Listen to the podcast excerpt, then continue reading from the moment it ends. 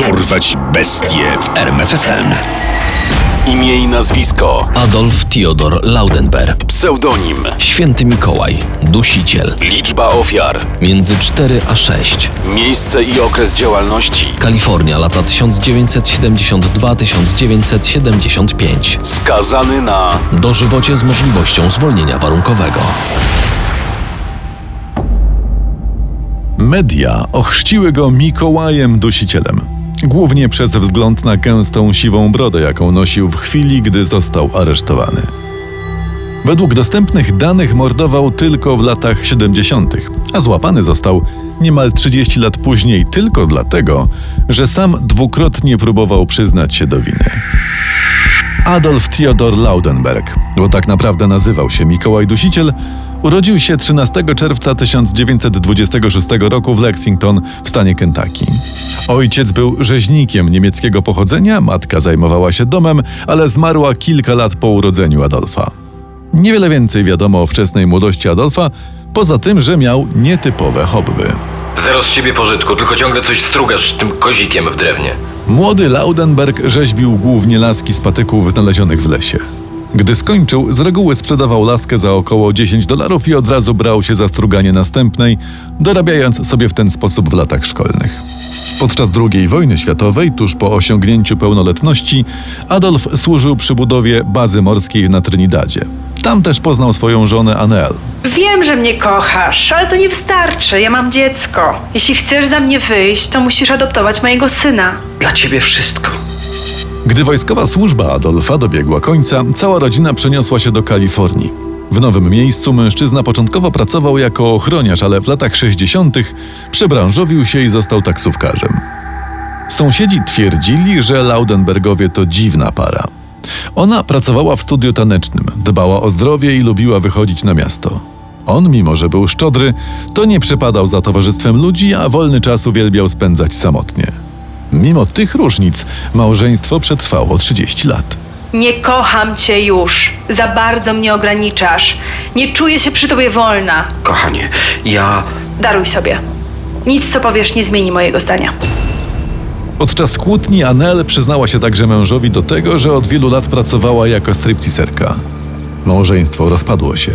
Niedługo później Adolf znalazł sobie drugą żonę, jednak tym razem związek zakończył się jeszcze szybciej. Przybity dwukrotnym odrzuceniem Laudenberg udał się w podróż do Nowego Orleanu. Choć nie wiadomo, jak dokładnie spędzał tę wyprawę, wiemy, że niedługo po powrocie zaczął mordować. Praca taksówkarza była dla niego idealnym pretekstem do wyszukiwania ofiar. Wybierał głównie pijane kobiety, które przypominały mu pierwszą żonę. Na swoje pierwsze łowy morderca wybrał się w Boże Narodzenie 1972 roku. To właśnie wtedy z lokalnego baru w San Pedro odebrał 43-letnią Lois Petrie. Z pana jest taki miły człowiek, a ja chyba troszeczkę za dużo wypiłam. Ale niech mnie pan nie osądza. Wie pan, mój mąż zmarł niedawno na raka. No, no dlatego piłam. Kto chciałby być sam na święta? Ja na pewno nie. Rankiem następnego dnia Lois znaleziono uduszoną w jej mieszkaniu. Była rozebrana, a na ciele widoczne były ślady napaści seksualnej. Na miejscu zbrodni nie było jednak śladów wskazujących na tożsamość sprawcy. Kolejne znane nam morderstwo Laudenberga przypada na sierpień 1974 roku. Wieczorem 18 sierpnia 50-letnia Katrin Medina w jednym z lokalnych barów wdała się w kłótnię ze swoim mężem. Mąż siłą wyciągnął kobietę z baru i zaczął prowadzić ją w stronę domu. Katrin udało się jednak wyswobodzić i uciekła do zaparkowanego nieopodal vana, prosto w objęcia mordercy. Nagie ciało kobiety odkryto następnego dnia w krzakach w parku Arbor Lane. Niecały miesiąc później ofiarą Adolfa padła kolejna kobieta. 54-letnia Anna Felch za dnia sprzedawała hot dogi przy plaży Cabarillo Beach, a wieczory spędzała w swoim ulubionym barze w San Pedro. 4 września wyszła z niego grubo po północy i nigdy nie doszła do domu. Rano jeden z budowlańców znalazł jej ciało na pobliskim placu budowy. Kobieta była naga, a na ciele widoczne były ślady napaści i duszenia. Do ostatniego z morderstw, co do których mamy pewność, że są dziełem Adolfa Laudenberga, doszło w kwietniu 1975 roku w San Francisco. Tam morderca związał, zabił i zgwałcił 60-letnią Leach Griffin, sekretarkę w jednej z kancelarii prawnych.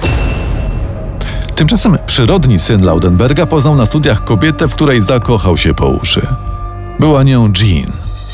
Para szybko podjęła decyzję o ślubie i przeprowadzce do Kalifornii. Jednak Jean przybyła parę dni wcześniej przed swoim ukochanym. W znalezieniu mieszkania miał jej pomóc ojczym jej przyszłego męża Adolf.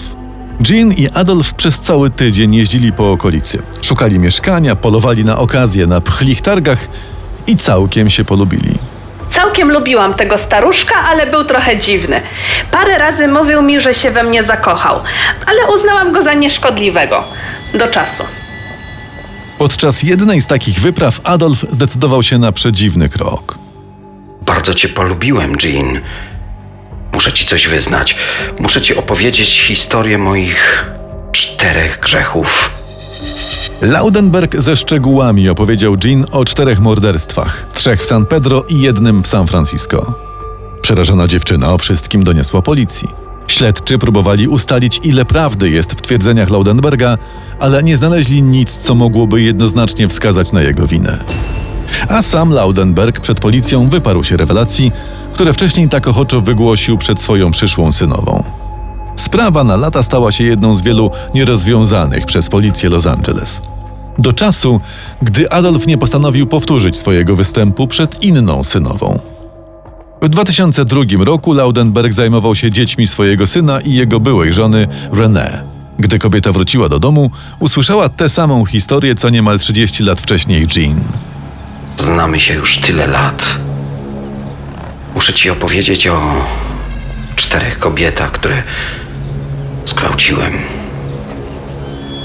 i zamordowałem. Opowieść Adolfa, do którego René zwracała się po prostu dziadku, zmroziła kobiecie krew w żyłach.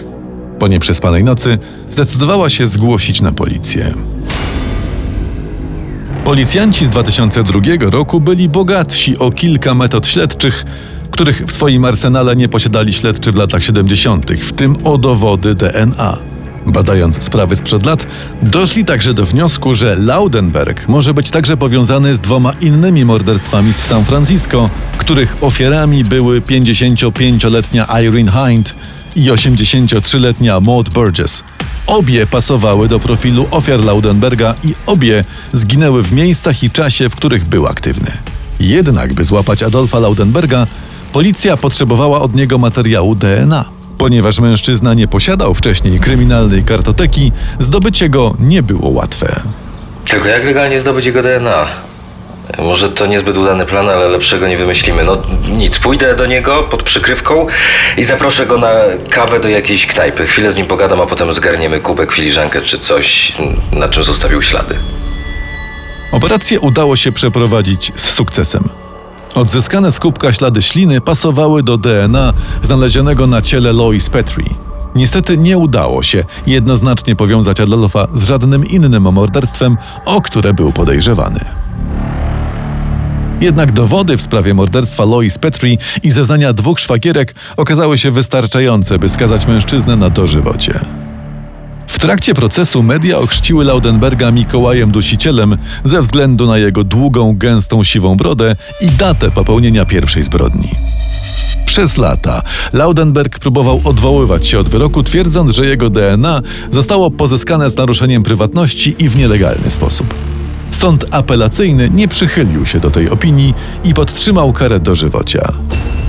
Adolf Laudenberg dożył reszty swoich dni w więzieniu. Zmarł w czerwcu 2015 roku w wieku 89 lat. Poznaj sekrety największych zbrodniarzy świata. Dorwać bestie w RMFFM.